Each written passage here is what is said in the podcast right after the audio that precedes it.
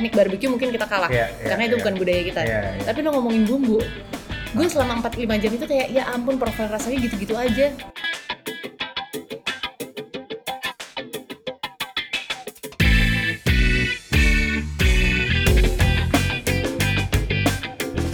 Ade Putri Paramadita, lu kan menyebut diri lo culinary storyteller. Ya sayang. Itu apa sih, Dek? Eh, dalam bahasa Indonesia langsung jadi pencerita kuliner. Iya. Jadi eh, kerjaan gue adalah nyobain sesuatu, nyari tahu tentang sesuatu itu. Sesuatu nih sama dengan makanan ya. Iya. Eh, ini dibuat dari apa sih? Proses masaknya gimana? Tapi tidak sesederhana itu karena Hmm. ini bahan-bahannya dari mana? Budaya di belakangnya itu apa? Sejarahnya apa? Pasti banyak. Hmm. Dan inilah yang gue sampaikan lagi ke masyarakat luas Hmm. dengan harapan supaya ini menambah value. Ketika lo makan dan lo tahu cerita di belakangnya, Hmm. harapannya adalah lo tidak mudah lupa dengan makanan itu. Terus lo Oke. mengapresiasi lebih baik Hmm. dan makanan itu tidak punah. Kenapa lu tertarik kayak gitu, Dek? Eh, tertariknya juga sebenarnya nggak langsung dari awal ya. Dulu te- ketertarikan gue di awal standar lah sama seperti semua orang makan enak, Hmm. makan enak di tempat yang kece, Hmm. suasananya seru gitu. Hmm. Tapi setelah sering ketemu sama orang yang masak, gue tuh kan gue sering banget grecokin orang masak. Ka- eh, karena kemungkinan gue punya kemampuan untuk eh, pendekatan personal yang cukup baik ke orang-orang yang masak. Jadi biasanya cukup banyak orang yang membiarkan gue masuk ke dapurnya. Lo harus Oke. ingat, masuk ke dapur orang itu eh, gampang. nggak gampang. Iya. Tapi gue sering bisa eh, punya akses ke sana Hmm. dan dari situ kan jadi tahu cerita banyak tuh. Misalnya kayak ini resepnya asalnya dari mana, terus bagaimana masyarakat meni- eh, menerima si makanan itu gitu. Apakah untuk makanan sehari-hari atau upacara atau acara khusus gitu. Nah dari situ gue ngerasa bahwa gila Indonesia tuh kece banget ya. Hmm. Bukan cuma makanannya yang eh, banyak, tapi cerita di belakangnya tuh kalau ditarik ke belakang benar-benar eh, memper apa ya, memperlihatkan bagaimana kayanya kita. Iya. Lu mau masak juga nggak ya? Gue masak dong. Masak ya? Mhm. Bahkan yang gue tahu lu ngajarin chef untuk masak. Gue eh, ngajarin orang-orang, ya ada sih chef juga, tapi memang pada dasarnya gini, gue tidak punya pengalaman, gue tidak punya background masak as a chef. Hmm. Kalau lu eh, suruh gue masak ke dapur hotel gitu, Hmm. oven-oven yang besar, yang modern, gue bahkan nggak tahu gimana cara makainya. Hmm, hmm, Tapi yang gue bisa ceritakan sama mereka, bumbu ini bisa dijadiin begini. hmm. Kalian yang pada sekolah chef, itu kalian ngerti teknik masak, ini gue kasih sedikit eh, informasi tambahan. Hmm, hmm. Karena itu sama aja kayak gue mentransformasi eh, ilmu-ilmu yang gue dapat dari ibu-ibu di daerah Hmm, ke mereka. hmm, hmm, hmm. Karena mungkin ibu-ibu ini nggak tahu gimana reach out ke para chef, Iya, iya, atau iya. para chef ini juga nggak pernah ngeh bahwa mereka harus belajar dari si ibu-ibu di daerah. Oh. Oke, gue kan anggap aja karena si pencerita ya, gue menyambungkan karena kebetulan gue juga bisa masak. Iya, iya. Gue tahu bahwa ini restoran ini mungkin kalian pengen tahu tentang andaliman. Hmm. Ini yang gue dapat dari ibu-ibu di Tanah Toba gitu misalnya. Hmm, hmm, Mereka ini menggunakan andaliman dengan cara begini, cara nyimpennya begini. Hmm. Gue sampein aja ke chef. Terus gue ajarin gimana cara mereka masaknya di daerah.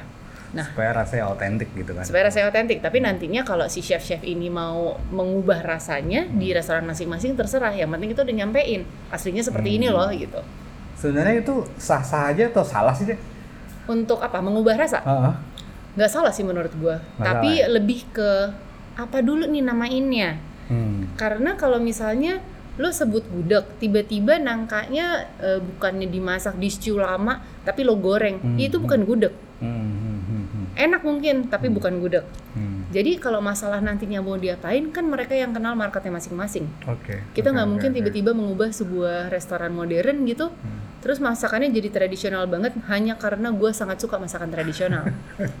Tapi yang penting kita kenalin budaya, tradisi budayanya. Iya. Nantinya bagaimana mereka menyampaikan ke market masing-masing, silakan aja. Ah, ah, ah. Oh terus ini deh, waktu si Gordon MC ke sini, Mhm. kan lu nemenin dia tuh. Ya. Sebetulnya misi dia tuh apa sih? Jadi eh, ini kan bagian dari series Uncharted. Ini yang season 2 Hmm. yang mereka kemarin datang ke Sumatera Barat. Misinya dia adalah datang ke tempat-tempat yang memang tidak dikenal, tidak banyak dikenal, Hmm. terutama oleh masyarakat luas eh, internasional. Hmm. Terus mencari tahu tentang masakan yang dan tradisi tradisi makannya mereka. Hmm. Ya di sini kan kita ngomongin rendang kan, Hmm. jadi eh, satunya. Tapi sebenarnya pengen tahu bagaimana sih makanan itu diterima di masyarakat sana gitu. Jadi Hmm. ketika dia datang ke Sumatera Barat, Hmm. Dia mau cari tahu tentang rendang itu kan makanya dikasih lihat dulu tentang si bajamba, tradisi makan bersama. Ya, ya, ya. Yang bagaimana begitu grandenya, Hmm. ada anak raja, ada gubernur apa segala macam dan ini tanpa perlu dibuat-buat untuk syuting memang Emang sering berlangsung terjadi, di ya, sana bener. gitu. Hmm. Jadinya menurut gue kerennya ini bukan eh, acara untuk belajar masak rendang, Iya. tapi acara untuk cari tahu ada budaya tradisi budaya makan apa sih di Sumatera Barat. Hmm, hmm. Ingat ya? eh, kok ingat nggak? Sebenarnya gue mau ngasih tahu. Jadi waktu itu gue dikasih tahu sama si produsernya untuk adek nanti lu jangan bilang masakan Indonesia, harus spesifik Sumatera Barat. Hmm. Why? Karena kalau lu ngomongin eh, Indonesia akan terlalu luas. Hmm. Gue pengennya suatu saat nanti eh, orang-orang entah kita atau mungkin produser TV lain datang ke Indonesia cari lagi daerah lain untuk dieksplor. Hmm. Event rendang aja banyak jenis ya. Iya, eh, jadi kalau kemarin tuh sempet tuh terjadi kehebohan di dunia maya ya kan? Masa sih 200 masa sih ini? Ini bukan cuma ngomongin nagarinya, nagari di Sumatera Barat ada sekitar 950. Hmm. Kalau lu orang Sumatera Barat, terus di samping lu ada orang Sumatera Barat lain, gue tanya, rendang paling enak eh, rendang apa? Lo kan bilang rendang buatan nenek lo. Satu lagi rendang buatan neneknya. Gila udah bukan 200 lagi, mungkin ada puluhan ribu, tapi kita nggak usah ngomong sampai ke sana. Ngomongin rendang dengan jenis eh, isinya aja, itu emang udah pasti puluhan sih. Hmm. Kan bukan cuma rendang sapi. Hmm. Rendang sapi, kambing, telur, Iya, iya, iya. balui, Iya. entah apalah segala Iya. macam direndang sama Iya, mereka. iya. Dan sebenarnya bahkan rendang itu sendiri kan adalah prosesnya ya, cara memasaknya, Hmm, hmm. merandang. Hmm. Jadi kayak menarik. Itu baru ngomongin satu makanan lagi. Ini kita belum kelar. Ini kita mau berapa episode? Satu. Iya. Dia mungkin chef ya, jadi nggak nggak kaget ya dengan masakan yang penuh cita rasa kayak gitu. Ya, eh, bahkan dia sebenarnya eh, sangat amazed dengan eh, cita rasa si rendang Padang. Hmm. Dia sebelumnya udah sempat makan rendang Malaysia. Oh. Jadi gue, of course gue nggak akan tanya enakan mana. Ah, Gue tanya menurut lo bedanya apa? iya. Menurut dia eh, rendang Minang yang emang kebetulan dia cobain di sini di Sumatera Barat itu lebih kompleks. Hmm. Dan sebenarnya kalau mau dijelasin kan orang dulu sempat pada heboh kan. Gila tuh eh, Malaysia ngeklaim Iya. emang Malaysia punya rendang kok, tapi beda. Karena gue pernah di sebuah acara di mana ada rendang battle antara Indonesia dan Malaysia. Ternyata si rendangnya mereka lebih kayak kalio. Jadi belum nyampe rendang. Oh. Nggak sampai caramelized. Iya, iya, iya. Terus warnanya bahkan agak merah dan lebih eh, tidak lazim lagi buat kita buat orang Indonesia. Mereka masak rendang pakai gula. Jangan marahin gue karena itu sebenarnya masak chef Wan. Chef Wan tuh salah satu yang terkenal di sana. Jadi Hmm, hmm. oke, well beda. Tapi nama mungkin sama dong kan kita serumpun. Iya, iya, iya. iya. Mhm. Oh iya, lu tuh juga sering jadi juri ya?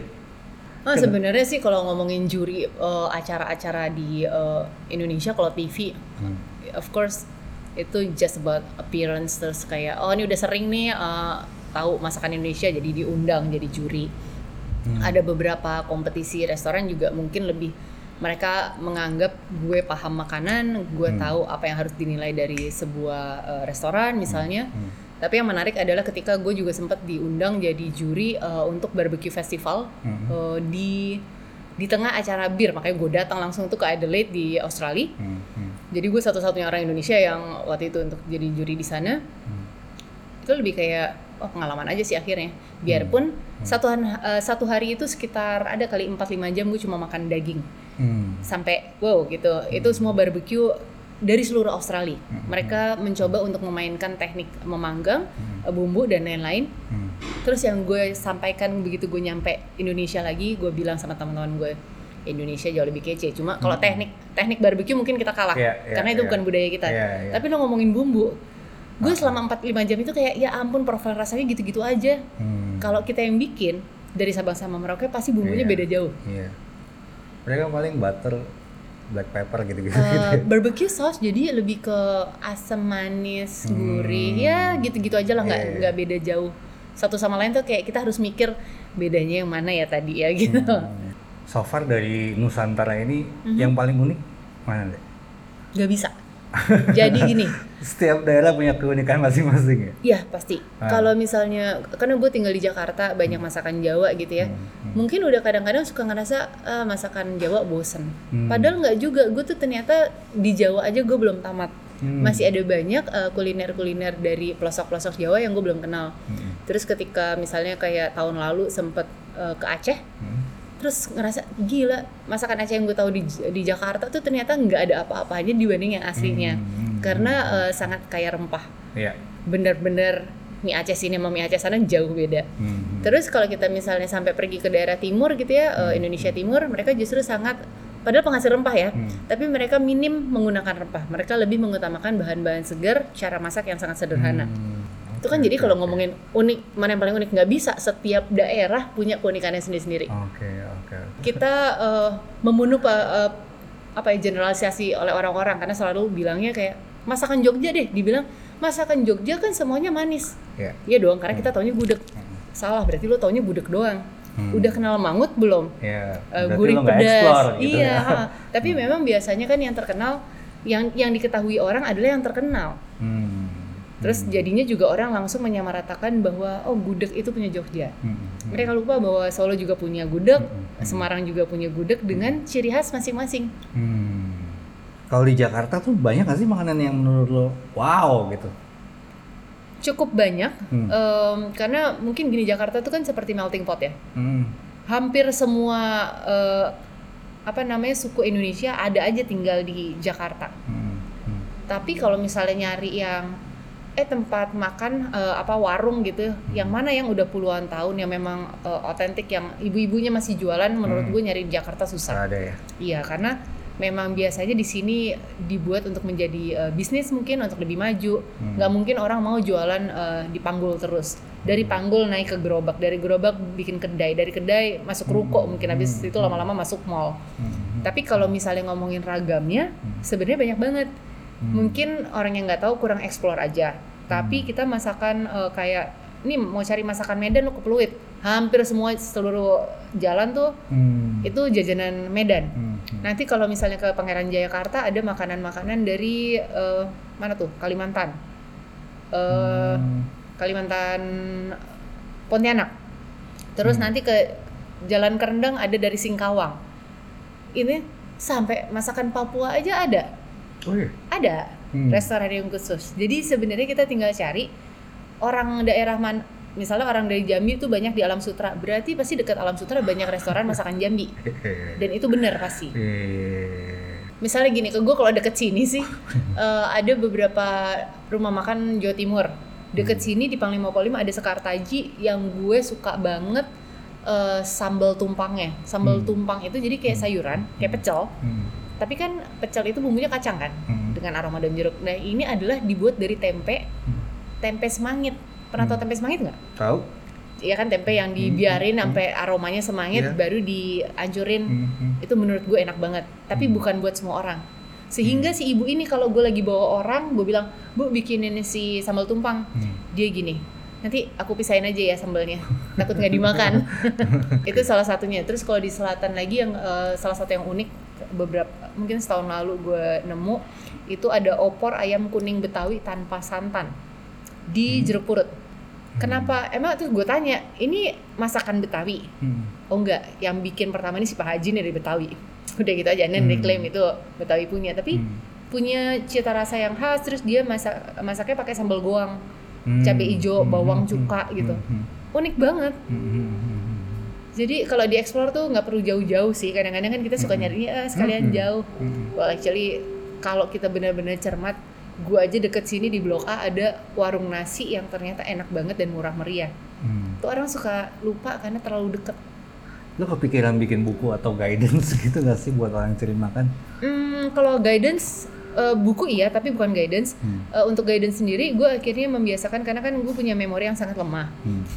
Jadi gue sekarang setiap makan atau misalnya lagi inget tempat makan tertentu itu gue masukin, gue kasih pin di Google Maps. Hmm. Terus setiap orang ada yang nanya, karena orang sering kali nanya ke gue misalnya, dia gue lagi di Bali, makan apa ya? Hmm. Kan susah ya. Hmm. Hmm. Karena banyak, terus udah gitu juga Bali tuh luas. Akhirnya biasanya gue kasih link Google Maps itu supaya mereka bisa cari sendiri Hmm. eh, titik-titik mana yang ada dekat mereka untuk mereka datengin. Jadi selain titik itu, gue biasanya cuma kasih catatan menu yang harus dipesan di tempat itu. Oh, oh ada catatannya gitu. Ada ya? catatannya, jadi biar orang nggak tiba-tiba clueless. Apalagi misalnya bentuknya rumah makan dengan 10 15 menu Iya, iya, canggih iya, gitu. iya, iya, iya. Dengan segala knowledge lo ini, lo bisnis makanan gak deh?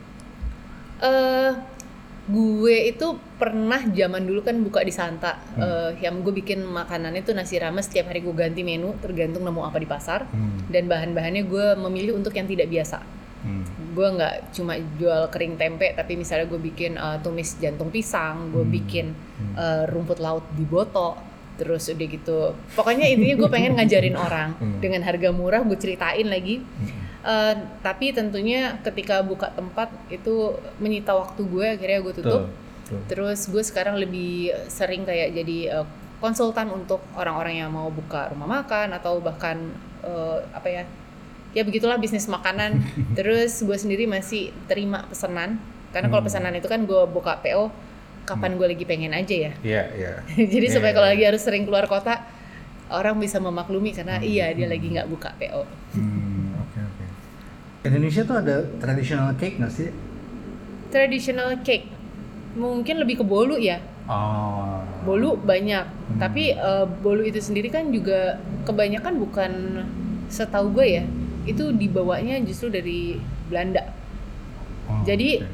masakan kita tuh nggak mungkin benar-benar original dari Indonesianya Hmm, langsung hmm. dengan banyak pengaruh dulu ada perdagangan Iya, iya, eh, iya. banyak yang menetap Hmm. Terutama Chinese ya Chinese Hmm. tuh dari dulu udah banyak Hmm. menetap Eh, mereka banyak bawa budaya tapi nanti disesuaikan dengan bahan-bahan yang ada di sini Hmm. yang paling terkenal aja lah martabak gitu kan Hmm, hmm. martabak itu kan hoklopan Iya. dari eh, Bangka ya Hmm.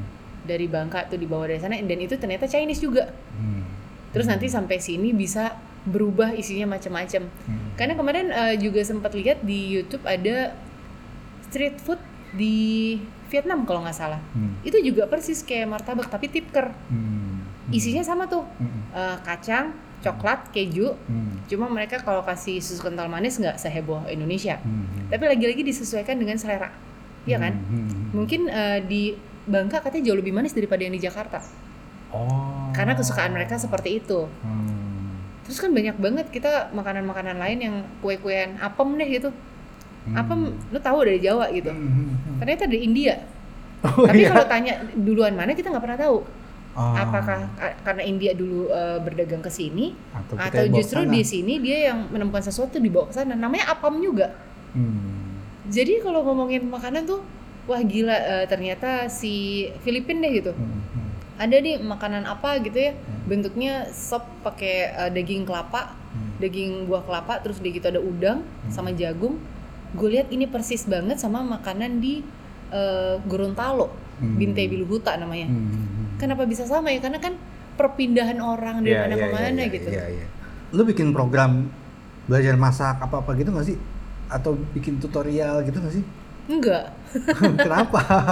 kalau lo tanya kenapa karena gue adalah orang dengan sejuta kegiatan jadi gue cukup sulit untuk punya untuk berkomitmen terhadap waktu Hmm. kayak gitu-gitu sekarang aja gue punya IG live seminggu sekali aja gue kadang-kadang udah merasa terbebani kayak aduh jadi nggak bisa ini deh karena harus IG live itu yang semudah bisa dilakukan di mana pun Hmm. itu kadang-kadang buat gue ribet Hmm. jadi kalau gue kenapa juga nggak bikin si program-program itu toh gue setiap ketemu orang kalau misalnya lagi bisa gue akan ajarin tapi gue nggak mau yang rutin ya Oke. kalau misalnya anggap aja dalam tiga bulan lagi tiga bulan cara berturut-turut tiap minggu gue pindah gue masih bisa tapi jangka waktunya itu paling lama tiga bulan ya terus biarkan gue tetap berkelana untuk cari ilmu lagi Oke.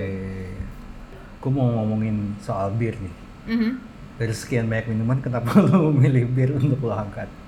karena eh, memang gue suka bir jadi gue tidak akan pretentious eh, sok-sok gue bisa kok minum minuman yang lain Hmm. tapi gue punya kecintaan terhadap bir memang dari dulu Hmm. dan bir tuh menurut gue sesuatu yang casual itu sama seperti kalau eh, baru kenal orang ini orang kayaknya seru gitu. Lu ngajakin apa? Ajakin an- antara ngopi atau bir? Iya, iya, iya. kebetulan gue ngerasa gue lebih oke buat ngomongin bir daripada kopi. Hmm. jadi itu yang gue angkat gitu. Eh, dan kebetulan kenapa bikin bikinnya waktu itu bir gembira? Setelah setiap hari minum bir selama bertahun-tahun Hmm. gue baru tahu sekitar enam tahun lalu kali ya. Hmm. eh, di sebuah acara pas gue diundang cara menuang bir Hmm. terus ternyata oh bir itu harus ada headnya harus ada si foamnya Iya, itu iya, iya. dulu gue nggak tahu. Gue kalau sampai dituangin bir di gelas ada foamnya gitu menurut gue kayak ah lu nggak bisa lo gitu. Hmm. tapi akhirnya begitu udah ngerti oh ini. Itu gue langsung ngobrol sama si temen gue si Indra yang waktu itu juga di acara yang sama. Gue bilang gini gila Indra kita tuh udah sering banget minum terus kita nggak tahu apa apa loh ternyata tentang bir. Hmm. barulah beride gimana kalau kita bikin waktu itu pengennya open source blog Hmm. yang semua orang bisa nulis Iya. tentang bir dan berbagi Iya. cuma ternyata itu tidak terjadi saudara-saudara akhirnya kita kita juga yang nulis terus ya udah deh ini dijadiin uh, media karena menurut gue sangat penting untuk mengedukasi orang mengenai bir Hmm. bukan ngajakin Iya. iya, jadi iya, masalah lo mau minum atau enggak itu terserah iya. Hmm. tapi mengedukasi tentang baik dan buruknya Hmm. baiknya banyak buruknya apa ya kalau kelebihan lo nggak tahu batasnya ya Hmm. of course uh, nggak pernah jadi ada yang bagus gitu Hmm, hmm. Coba lo terangin ke orang-orang yang denger tuh deh. Mhm. Eh, menariknya bir itu apa sih? Uh, menariknya bir adalah gini, uh, misalnya orang bilang, oh gue gak suka bir karena rasanya pahit. Ya. Oh berarti lu memang belum mendapatkan bir yang cocok. Iya. Kalau misalnya ini sama seperti soft drink, lu nggak suka soft drink Hmm. karena apa? Karena manis. Sebenarnya kan ada soft drink yang nggak manis, Iya, mungkin iya, gitu. iya, iya. Ini uh, sama halnya ketika orang bicara tentang bir, oh gue nggak suka karena pahit, oh gue Hmm. nggak suka karena aromanya ini. Gue suka selalu menjelaskan bir itu sangat luas. Lo mau karakter rasanya kayak buah ada, kayak kopi Hmm. ada, Kayak yang sayur aja ada. Iya, jadi bisa macam-macam. Hmm. Jadi lu tinggal menemukan itu. Terus kemudian ya very casual itu sih menurut gue Hmm. Eh, nggak bentukannya tuh kayak semua orang bisa minum bir. Iya sebenarnya. Cuman kayak justru bir-bir yang aneh-aneh itu nggak beredar sebanyak sih di sini. Ah, nah itu juga mungkin dimulai dengan satu bir itu bukan bukan budaya kita. Biarpun kita punya budaya minum alkohol di daerah-daerah Iya, tertentu, iya, iya. tapi kalau eh, misalnya ngomongin bir sendiri, bir itu kan yang bawa waktu itu Belanda gitu kan, ah, karena ah. memang mereka pertama kali buka Java bir yang Ah. akhirnya sekarang jadi bintang gitu. Iya, Eh, itu kan untuk memenuhi kebutuhan mereka. iya. Masa udah di negara orang tapi nggak bisa produce bir gitu. Nah akhirnya kita selalu terbiasa selama berpuluh-puluh tahun cuma kenal lager, Hmm. eh, pilsner gitu ya. Iya. Terus akhirnya juga ada stout. Udah that's it. Hmm. Nah tapi sekitar ya lima tahun belakangan inilah ya craft beer mulai masuk. Hmm. Tapi yang sebelum-sebelumnya ada imported beer. Hmm. Tapi karakter rasanya selalu bir-bir ala Eropa. Jadi rasanya Oh. lebih malty. Yang memang Iya, udah eh, familiar di lidah kita. Hmm. Nah kalau sekarang tuh yang baru-baru memang sebenarnya gila bisa bir kok rasa coklat, rasa oats gitu, Hmm. Hmm. macam-macam banget. Hmm. Hmm. Tinggal lu mau cari apa? Kemarin tuh gue dikirimin ada raspberry rasanya. Hmm. Terus ada tiba-tiba warnanya biru karena pakai spirulina. Hmm. Karakternya honey. Hmm. Jadi bisa macam-macam banget. Hmm. Kalau orang-orang pengen belajar tentang bir, ke mana deh? Eh, kalau misalnya belajar cuma mau tahu informasi ini itu yang mudah, sebenarnya di Bir Gembira pasti ada. Ya. Terus kita sih waktu sebelum pandemi dan hopefully setelah pandemi yang mudah-mudahan kayak besok kali ya kelar ya. itu em, kita sering bikin acara offline, acaranya workshop. Workshopnya kadang-kadang bisa berupa beer tasting, jadi nyicip bareng-bareng. Bisa juga jalan-jalan ke brewery untuk melihat sebenarnya kayak apa sih proses pembuatannya. Terus juga kadang-kadang pairing. Orang tuh selalu selama ini mikirnya yang bisa di pairing itu cuma wine. Oh salah, lu teh aja bisa pairing kopi bisa pairing, apalagi bir yang segitu luasnya. Dan dulu tuh ada yang suka mikirnya kalau ma- makan bir itu, eh minum bir, makan itu harus sesuatu yang kayak makanan western.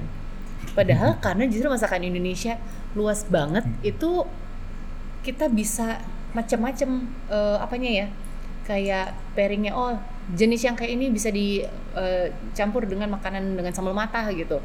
Nanti tiba-tiba kalau rawon ininya apa gitu. Hmm. Justru bisa bisa main-main lebih luas lagi. Hmm.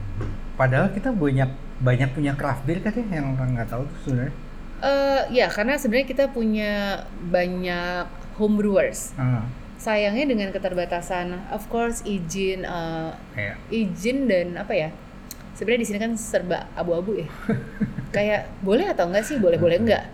Kadang boleh kadang enggak. Siapa yang siapa yang ngasih aja? Siapa yang lagi rese? Siapa yang lagi lagi baik? Hmm. Jadi itu yang sayangnya eh, sulit Hmm. Terus kemarin sempat ada isu yang sebenarnya cukup baik ya bahwa kayak eh, nih kayaknya perizinan bisa lagi, eh tiba-tiba nih lagi Ada diangkat RUU. lagi RUU gembel itu. Iya.